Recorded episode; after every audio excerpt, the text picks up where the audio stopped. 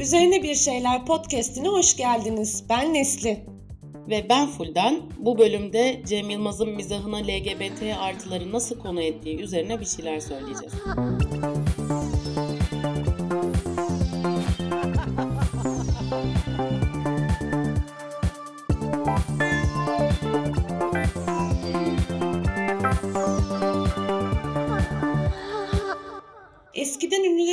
Sadece magazin programlarından hatta magazine düşmeyenleri de sadece işlerini icra ederken dizide, filmde, klipte ya da en iyi ihtimalle konserlerinde izliyorduk. Sosyal medya e, gözümüzde büyüttüğümüz, cool sandığımız bir sürü insanın aslında ne kadar da tırt olduğunu hepimize gösterdi.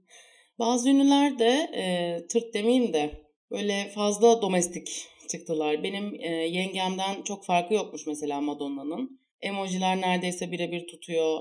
Mutfaktayım, yemeğimdeyim, yavrularımı çok severim tavrı da aynı. Halbuki yengem Madonna'yı ekranda bir saniye bile görse kalkıp abdest alır ama işte sosyal medyadaki personası yengeminkinden çok da farklı değil. Gerçekten keşke bu yönlerinizi görmemiş olsaydık diyebiliyoruz bazen. Görmez olaydım görmez olaydık yani. 13. bölümü yayınladığımızda bile yeterince korkunç şeyler yapmıştı Kim Kardashian'ın müstakbel eski eşiye. E, sosyal medya sayesinde onun da ne kadar rezil biri olduğunu izliyoruz maalesef gün be gün. Geçtiğimiz hafta hatta neredeyse dün kendini aşmayı daha da becerdi. Kim Kardashian'ın sevgilisi Pete'in bir takım organlarını zoomlayan fotoğraflar paylaştı. Pete'in eski ilişkilerine laf etti. Pete'in Hillary Clinton dövmesi üzerinden aşk yaşadığı yönünde onunla dedikoduları yeniden hatırlatıp e, bunları paylaştı. Captionlarında da şey yazdı. E, Pete asla çocuklarına tanışamayacaksın gibi korkunç şeyler yazdı. Bir de aynı Melih Gökçek gibi ya. Caps Lock açık yazıyor her şeyi.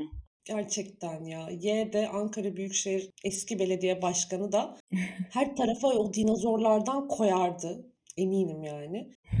Bir de tüm bunları yaparken yine Rabbim ailemizi kavuştur ne olur Tülay'ım dön şeklindeki çırpmalarına da devam etti. Aynen aynı tavrına devam etti. Hatta o kadar saçma paylaşımlar yaptı ki böyle sayıca da çok. içerik olarak da korkunç. Hem Pete saldırıyor bir yandan da e, Kim Kardashian'a işte sen benim eşimsin geri dön diyor falan. O kadar fazla şey yaptı ki e, 13 Şubat günü pazar günü yani e, bir kağıtla elinde tuttuğu bir kağıtla bir fotoğraf paylaştı. Üstünde 13 Şubat 2022 ve bu paylaşımları yapan gerçekten benim gibi bir şey yazıyor. En son bu kadar ikonik e, bir görüntüyü Cennet Mahallesi'nde görmüştüm. Pembe kaçırıldığında Polonezköy'deyim akros işini yazdığı bir mektup kaleme almıştı. Ondan beridir gördüğüm en ikonik e, elle yazılan statementlardan bir tanesi.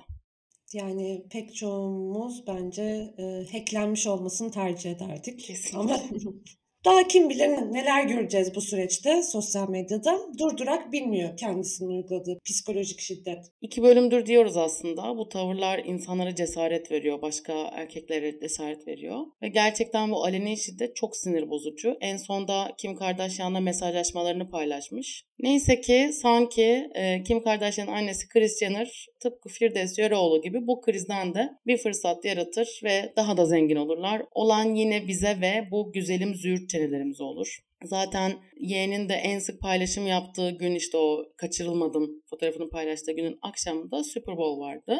Böyle bir takım e, bir, bir futbol etkinliği bu çok ünlü, çok meşhur Amerika'da.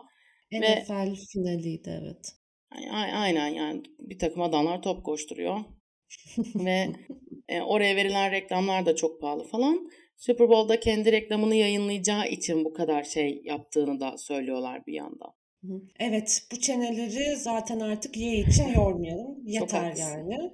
Bu hafta üzerine bir şeyler söylemek istediğimiz isim Cem Yılmaz. Neden derseniz kendisinin e, son stand-up'ı 2021'in son gününde Netflix'te yayınlandı. Pandemiden önce başlamış olduğu bir e, gösteri aslında. Bu adı da Diamond Elite Platinum Plus bu ismi koymayı tercih etmiş. Bu işin en iyisi benim bu gösteride mizahın, stand-up'ın tepe noktası yıllar geçse de bu değişmedi, değişemez demeye çalıştığını düşünebiliriz bu isimle. Ya Cem Yılmaz'ın mizahını eleştirmeye başlarken yani destur ederken bile buna şöyle bir tribe giriyor ya insan. Bakın vallahi billahi mizahtan anlıyorum ama beğenmedim. Yoksa salak değilim kafam çalışıyor diye kanıtlama gereği duyuyor. O kadar sahipleniyor ki Cem Yılmaz en iyi ve en zeki olmayı stand-up'ta. Hatta e, sadece stand-up'ta da değil Türkiye'deki mizahın genelinde bir imparatorluk iddiası var. Zaten uzun yıllar Cem Yılmaz'a gülmemek cool olmayan ezik sıkıcı bir şeydi. Çünkü sahnede hani çok tanıdık olan halleri, Türkiye'lerin çok aşina olduğu durumları e, çok da bilinmeyen, yabancı sayılabilecek yeni bir yöntemle yani stand-up'la anlatıyordu. Ülkeyi de stand-up'a getiren isim demek de e, hiç yanlış olmaz diye düşünüyorum. Ben de çok gülüyordum kendisine çocukken, gençken de hatta. E, Türkiye insanının DNA'sını çözmüş olduğunu düşünüyordum, mayasını çok iyi bildiğini falan. Uzun sürede açıp açıp ilk şovlardaki şakalarını da izlemeye devam ettim. Ee, sanırım ortaokuldaydım. İzmir'de gitmiştik ailecek Cem Yılmaz'ı izlemeye fuarda açık havada. Babam uyuyakalmıştı izlerken ve kendisi anti kahramanlığa bayıldığı için sürekli herkes güldü ama ben çok sıkıldım uyuyakaldım diye hava attı yıllar boyu. Ve ben sinir oluyordum. Of hayır baba anlamıyorsun çok komik bir kere Cem Yılmaz diyerekten sinir oluyordum.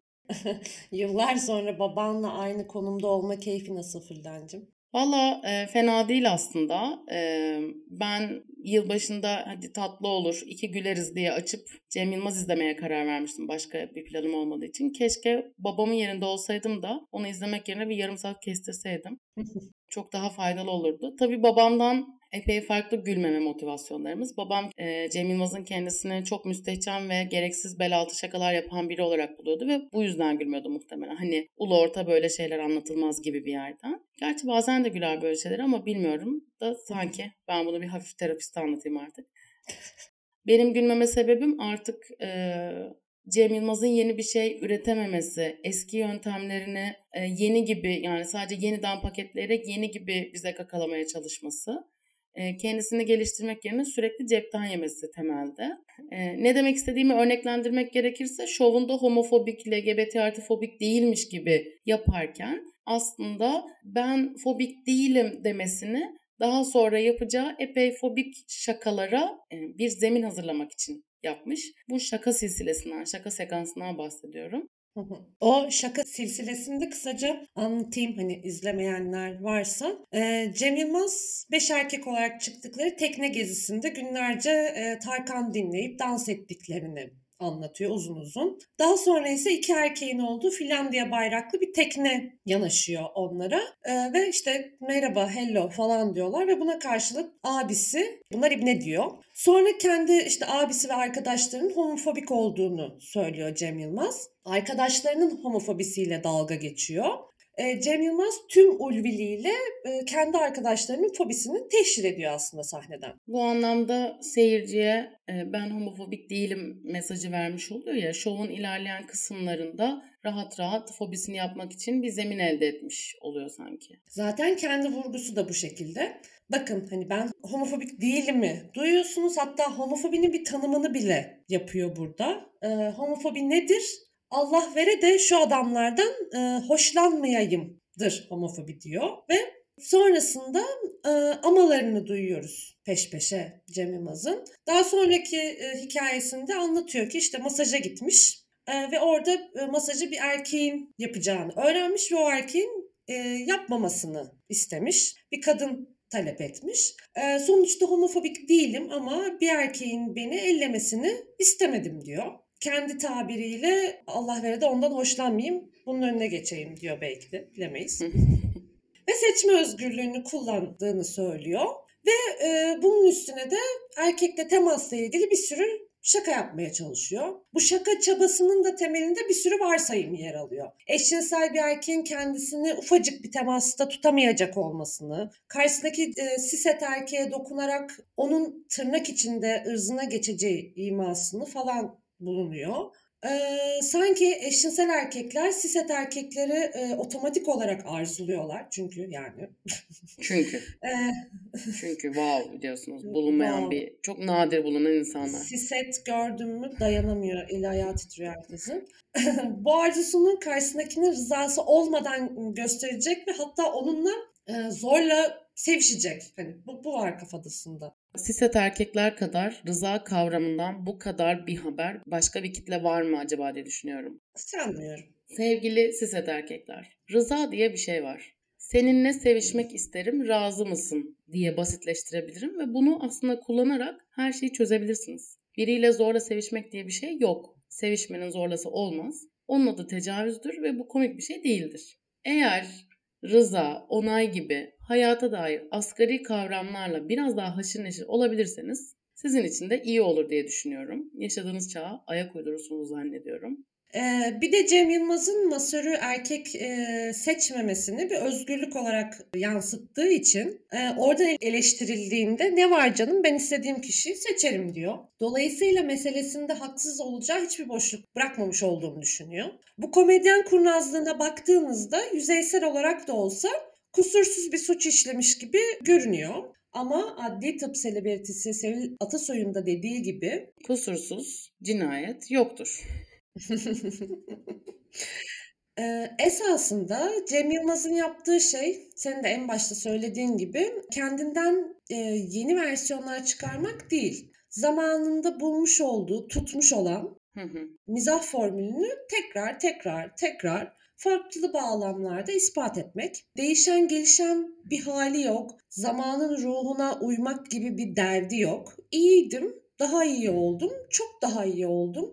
Diamond Elite Plus Plus oldum diyor. Ee, belki de o formülü kendisiyle çok özdeşleştirmiş ve herhangi bir eleştiriyi kendi varlığının tümüne bir saldırı olarak görüyor. Bil- bilmiyorum.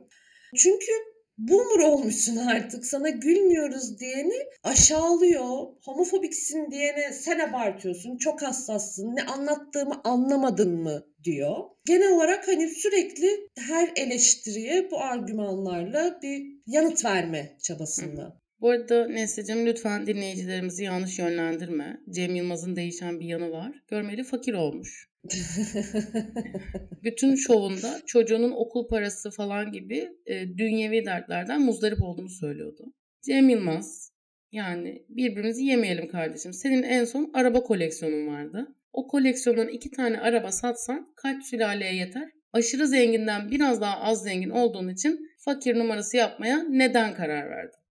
Yani bu beyanın esas olduğu bir durum değil. Banka hesabındaki varlıkla, malınla, mülkünle alakalı. Çocuğun var ve doğduğu günden beri çocuğun donuna kadar her şeyi marka alıp masrafını çoğaltın diye bize fakir numarası yapamazsın. Bunu dedim de şovunda tek güldüğüm yerde tam bu meseleydi. Ali Koç için para topladığını söylemesi oldu. Hani Ali Koç o kadar zengin ki kimin parasına ihtiyacı vardı da kalktım bağış topladım bir de Acun'un ricasıyla falan gibi oralarda gerçekten anırarak güldüm kendisine. Gerçekten Acun ve Cem Yılmaz bir araya gelip Ali Koç için Ali para Koç. İnanılmaz bir fıkra. Çok kısa ve can acıtan bir fıkra. Ona ben de gülmüştüm. Yani adam o kadar zengin ki e, IBAN vererek para istemesi ve ciddi ciddi para toplayabilmesi de herkese komik geldi. Aynısını biz bize yeterken de görmüştük m, geçen sene hatırlarsanız. Covid-19 pandemisiyle mücadele için devlet IBAN paylaşmıştı. İlginç günlerdi. Acaba ne ödendi o parayla? Ee, Elektrik ve doğalgaz faturalarımızın ödenmediği kesin. Her bölümde en az bir kez e, faturaları almaya değer meblağlar görüyoruz. Haklısın. Yapacak hiçbir şey yok. Faturaların yüksekliğine Cem Yılmaz'ın verdiği tepki de kendisi üzerine bir şeyler konuşmak istememizin nedenlerinden bir tanesiydi. Geçen hafta bence hayat pahalılığından yakınmayan biri ya hırsızdır ya deli diye bir tweet attı. Ee, tek seferde bu kadar çok kişiye seslenebilen ana akım bir ünlünün açıktan bunu söylemesi Türkiye gibi bir ülkede yaşadığımız için önemli. Ee, biliyoruz ya çünkü hani enflasyonu açıklayan oranlar bile doğru değil. Bir yandan insanlar bu fiyatları arttıranın dış güçler gibi şeyler olduğuna inanıyorlar. Bayağı kutuplaşmış bir toplumda yaşadığımız için kabak gibi ortada olan bir şey yani kötü bir ekonomi yönetimi e, olduğunda bile uzlaşamıyor insanlar ülkede. Hayat pahalı değil, asgari ücret arttı, alım gücü arttı denebiliyor mesela. Ya da elektrik faturasına gelen zamları haberleştirmeyip e, Almanya'daki elektrik faturası artışını haberleştiren bir garip gazeteler var. O yüzden Cem Yılmaz'ın açıklaması bir şeyin konuşulmaması ya da çarpıtılarak konuşulmasının önüne geçebilme potansiyeli taşıyor. Zaten e, Cem Yılmaz'ın tweet'i hayat pahalılığı ile ilgili attı. 350 binden fazla kez favlanmış, beğenilmiş. Benim e, gördüğüm Türkçe tweetler arasında en yüksek beğeni sayılarından. Bir sürü ünlü de destek oldu bu tweet'e. Tam da şey zamanıydı. Hülya Avşar gerekirse simit yeriz gibi halk düşmanı açıklamalar yapmıştı. Onun da üstüne epey gündem olmuştu Cem Yılmaz'ın tweet'i. Tabii bunu yaparken e, ya hırsızdır ya deli diyor. O deliden kastı ne? Akıl sağlığını yeni yeni konuşuyoruz Türkiye'de. O konuda da olabilecek en primitif kelimeyi seçmiş. Ama ekonominin yokuş aşağı yuvarlanışı çok acil bir mesele olduğundan e, ya deli kısmını eleştirmeye ne yazık ki pek de imkan kalmıyor. Ya öyle bir eleştirisi sunsan, ya ben şimdi onu mu demek istedim, konu ne, sen nereye takılıyorsun der. Kısmen haklı da sayılabilir derdi açısından. Çünkü derdinin gerçekten herhangi birini ötekileştirmek olduğunu düşünmüyorum. Bir krize dikkat çekmeye çalışıyor hakikaten bence de. Ama e, bu kadar acil bir mesele olmasaydı da durum değişmezdi diye düşünüyorum. Sorun zaten kendisine hiçbir eleştiri yapılacak bir alan bırakmaması Cem Yılmaz'ın. E, şovlarında da genel olarak insanları gözlemleyen, onların davranışlarını ve o davranışların anlamını, bağlamını açıklayan bir konumda oluyor. Daha üst bir yerde oluyor yani. O yüzden kendisine eleştiri sunmak da iyiden iyiye güç hale geliyor.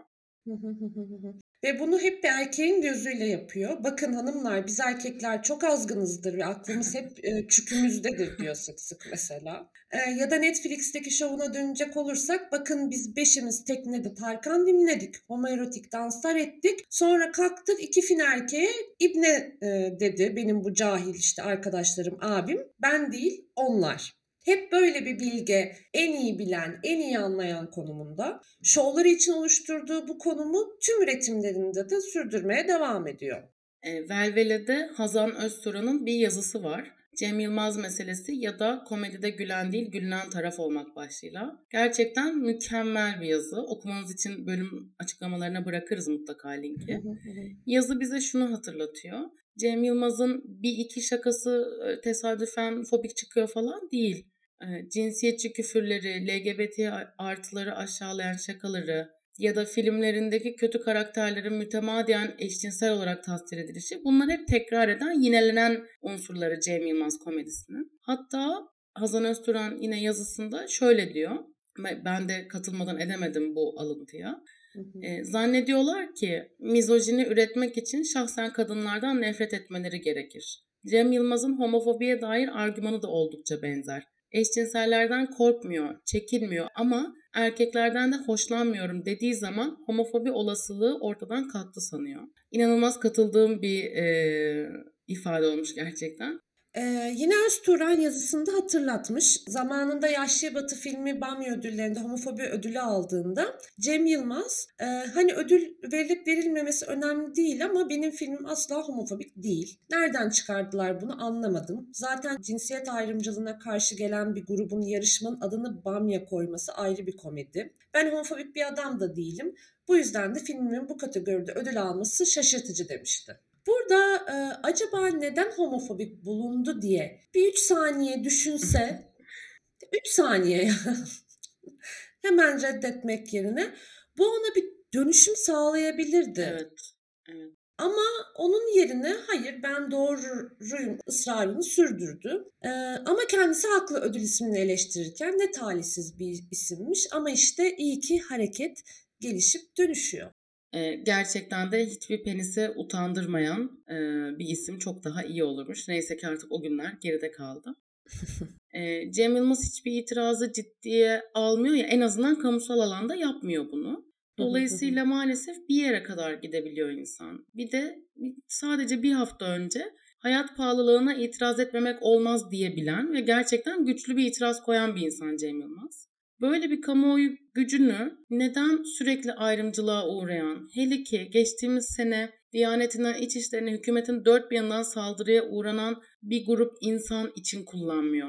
Bunu gerçekten anlamıyorum. Bu insanlarla hiç ilgilenmiyor da değil, yok da saymıyor, görmezden de gelmiyor. Görüyor, varlığını biliyor. Peki bu ilgi başka yerlerden ötekileştirmek mi olmalı LGBT artıları yoksa onların yaşadıklarına ses katmayı mı tercih edersin? Yani elinde bir metin var düşünüyorum yazıyorsun oturmuşsun sandalyede bilgisayarın başında.